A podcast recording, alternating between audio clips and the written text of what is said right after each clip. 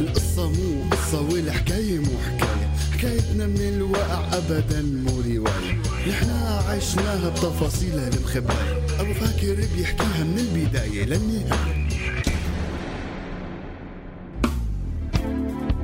حكاية بلد. أب وأم وولد. حياة جديدة. بدها تنولد حكاية سوريا الروح قبل الجسد. الروح قبل الجسد. هلا مع حكواتي السورياني عاها راديو السورياني خليكم معنا.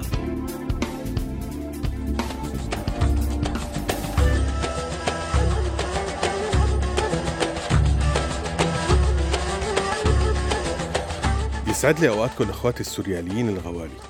في ناس بتعتبر إنه سوريا مثل الأم القاسية اللي ولادها بيحبوها رغم كل شي صار وعم بيصير فيها. ما بيقدروا يزعلوا منها مهما صار فيهم بسببها ومهما ساوت فيهم. ومثل ما بيقول المثل الأم بتلم وبعد الأم احفر وطم.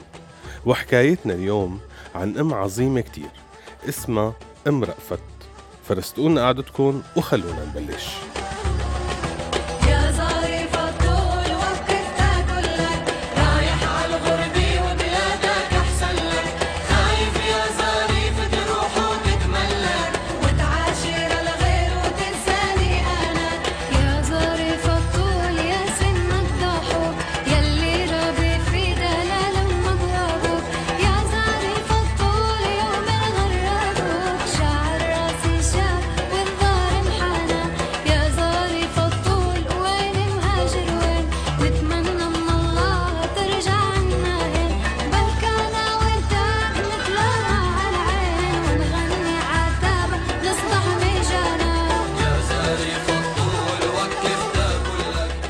ام رأفت أم فلسطينية سورية. طلعت مع العالم اللي طلعوا من مخيم اليرموك وقت اللي القصف اشتد عليه. وقت كل الأطراف حطت عينها على شقفة فلسطين البقيانة بقلب الشام. النظام من جهة نازل فيه دك وقصف وهبد ومن جهة تانية ألف فصيل وفصيل بده يعمل حاله زعيم ويملك هالمخيم باللي فيه. وصارت كل حارة بمخيم اليرموك لكتيبة مو مفهوم مين هي ومو مفهوم مين بتمثل. يوم نزحت ام رأفت رأفت كان عند رفقاته خبر على الموبايل إنه رح يطلع هو من المكان اللي فيه مشان السرعة واتفقوا يلتقوا برا. نزحت ام رأفت وكل فكرة إنه رأفت نزح وهرب مثل كل هالعالم اللي نزحت تحت القصف المستمر اللي كان يومها. بس بعد ما هديت الأحوال بتتفاجأ إنه ابنها ضل جوا. بالأول رأفت ما كان رضيان يطلع ومع الوقت بطل فيه يطلع لأنه سكرت باب المخيم وما عاد قدر حدا لا يفوت ولا يطلع. وضل شقفة من قلب هالأم جوا. جوا محل ما رغيف الخبز تحول لحلم. محل ما كيلو السكر صار بكذا ألف ليرة. جوا وقت تصير لقمة الأكل حلم ولحظة الأمان حلم وشوفت أهالينا حلم.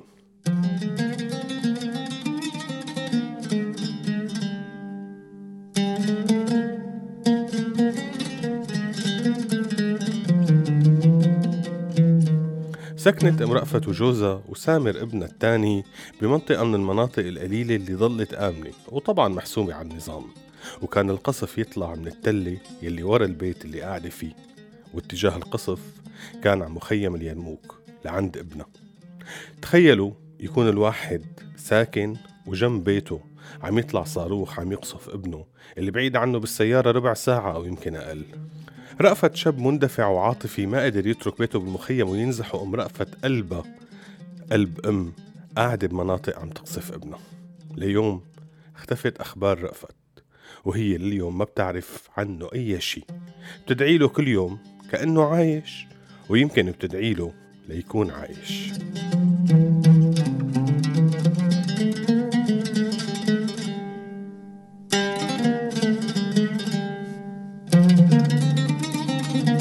بعد اللي صار مع رأفت سودت الدنيا بعيون أمه وقررت لو اضطرت تبيع كل شي بدها تخلي ابنها التاني سامر يسافر برا سوريا. خصوصا إنه كان وقتها بلش سحب الاحتياط اللي مو مفهوم على شو مبني. وحشد كميات كبيرة من العالم حتى لو ما كانت مؤهلة لأنها تكون عسكرية. كنا نسمع فلان انسحب اليوم على الجيش وبعد أيام نسمع خبر موته. جمعت باعت اتدينت هالمصاري وعطتهم لسامر وكانت وصيتها لإله بس ضل عايش حتى لو ما عدت شفتك حتى لو نمت بالشارع يا أبني لا ترجع لهون. سافر سامر على بيروت ومن بيروت على تركيا وكان وقتها بعد الطريق مفتوح للسوريين على تركيا قبل ما يفرضوا الفيزا. ولهلا ما سمعت بحدا قدر يطلع هالفيزا. آه خلي سمع من أصدقائنا المستمعين بحدا قدر يطلع فيزا يتصل فينا لنسأله شو السر اللي بيملكه. بركي غيره بيستفيد. بس هلأ خلونا نطلع لفاصل صغير وبعدنا بنرجع بنكمل حكاية أبو رأفت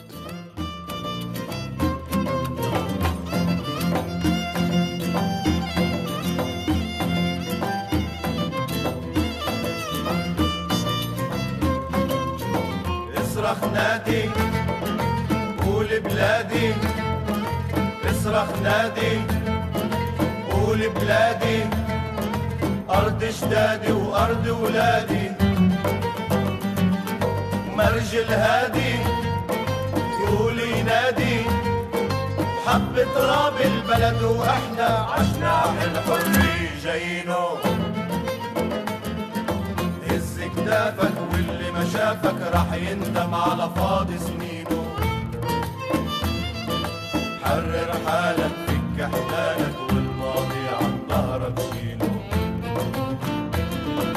هز كتافك واللي ما شافك راح يندم على فاضي سنينه بنرجع لقصتنا ولسامر اللي وصل على تركيا. وبعد سمسرة المهربين بتركيا اللي قائمة على إنه بتسافر بأمان على قد مصاريك. يعني كل ما زادوا مصاريك بزيد الأمان يلي بيتأمن لك. وكل ما قلوا مصاريك بتصير انت وهالريشة سوا طايرين مع الريح. لبس سامر سترة هالنجاة وطلع بالبحر على اليونان. وطبعا اللي بيوصل على اليونان بصير يبذل كل جهده إنه يكمل رحلته بأسرع وقت مشان ما يبقى عصيان هنيك. خاصة إنه كل يوم مصروف زيادة واللي جايب مصاريب الأصل بالليرة مصرفهم يورو أو دولار. بشوف الأمور بخطة اقتصادية ما بيقدر يفهمها غير السوري. وقتها كانت الأمور كل مالها عم تتسكر بوش العالم يلي عم يكملوا من اليونان بالبر. وكل شي دول حوالين اليونان بلشت تشدد دورياتها على الحدود وبالمناطق البرية. هذا طبعا غير العصابات اللي انتشرت بالطرقات المقطوعة. كرمال تزيد على سعادة الهربان سعادة. ممكن يشلحوها القرشين البقيانين معه. وما كان وقتها في طريق غير بالبحر على إيطاليا. والطقس لسه شتوية والبحر مو مادد إيديه ليحمل القوارب على كفوف الراحة. بهالفترة من السنة بكون مزاجه عصبي ومو رايق وما بحب يلي بيتحداه بس الحاجة خلت كتيرين يتحدوه ويركبوا سطحه ويغامروا. وقبل مرحلة قوارب الموت كان سامر بعده عم يتواصل مع أهله. بس من وقت طلع بهالقارب واتجه لإيطاليا ما عادوا عرفوا أي شي عنه. هن أساسا ما عادوا يعرفوا هو طلع برحلة البحر ولا قرر يكمل بالبر على أوروبا. يمكن سامر ما حب يقلقهم وما ودعهم قبل الرحلة وقال لحاله بطمنهم لما بصل. طلع بهالقوارب اللي صارت بلحظة أرحم بكتير من كل شي عم بصير بالبلد. أرحم بكتير من لما شفنا كل شي بيعنيلنا عم يتدمر. بيوتنا الأماكن اللي تربينا وحبينا ودرسنا وتمنينا وخططنا لحياتنا فيها. اختفى سامر وشوي شوي تسكر طريق التهريب وتسكر حتى السفر على تركيا. وضاع سامر. كل شي بيتمنوه أهله. يعرفوا على الأقل إذا هو ضل باليونان وصار معه شي أو سافر بالبحر وغرق.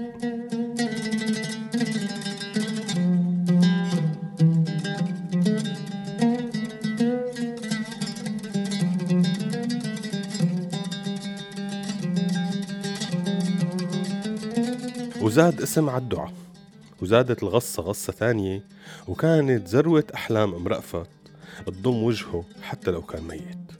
ما فيك تقنع أم إنه ابنها مات حتى لو اختفت أخباره وما عاد حدا سمع عنه شي. الخالة أم رأفت لليوم بتحكي عن رأفت وسامر كأنه قاعدين بالغرفة التانية بعدين بتسكت والدمعة بتحرق عينها وما بتنزل بتغص وبتقول يا حيف يا شام. خالتي ام رأفت أطيب قلب أم بالدنيا. ومين ما فات على بيتها بصير مثل رأفت ومثل سامر. إيديها فيهم البركة عيونها فيهم بريء كأنها ناطرة الغياب وحاطة عينها بعين الله.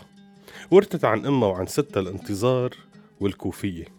وكانت كل ما يتوفر مع مبلغ ولو صغير بتشتري شوية فناجين أو صحون أو أدوات مطبخ وبتقسمهم شوي لرأفت وشوي لسامر. وهلأ كل هالفناجين والصحون راحوا ببيتهم يلي بالمخيم. وهالكوفية الفلسطينية ياما وياما صارت بإجت سفر وهجرة ونزوح ولجوء. كل يوم بتفيق ام رأفت الصبح وبتصفن بهالسما الواسعة هي السما اللي صافنة فيها هي نفس السما اللي فوق المخيم واللي فوق اليونان واللي فوق البحر. بتصفن بهالسما وبتتنهد وبتقول الله يحميكن. وقت بصير موسم الجعرنك بتضحك وبتقول إيه لو سامر هون. والله كتير بحبه. يلا بكرة بيرجع وبيقلع دراسه من الجعرنك وبتضحك بتضحك بتضحك هي وبيبكي المخيم كله. وبتنزل دموع على كل البيوت اللي ما بقي منها غير حجار مكومة فوق بعضها. أم رأفت هي وحدة من كتير أمهات بسوريا. حكايتهم بديت وخلصت بكلمة ماما. استودعناكم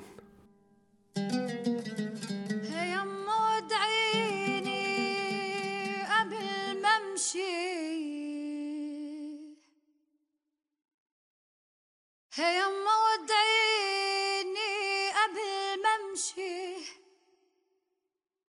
ما تدري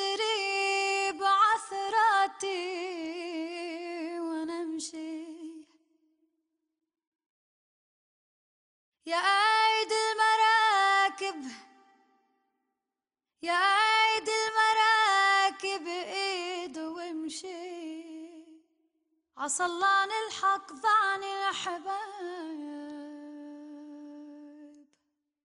هي يما ودعيني قبل ما أروح ما تدري بعثراتي وأنا أروح.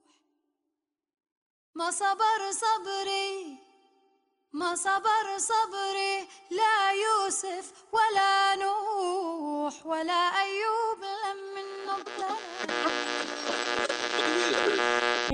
هذا البرنامج من إنتاج راديو سوريالي 2017 عم تسمعوا راديو سوريالي.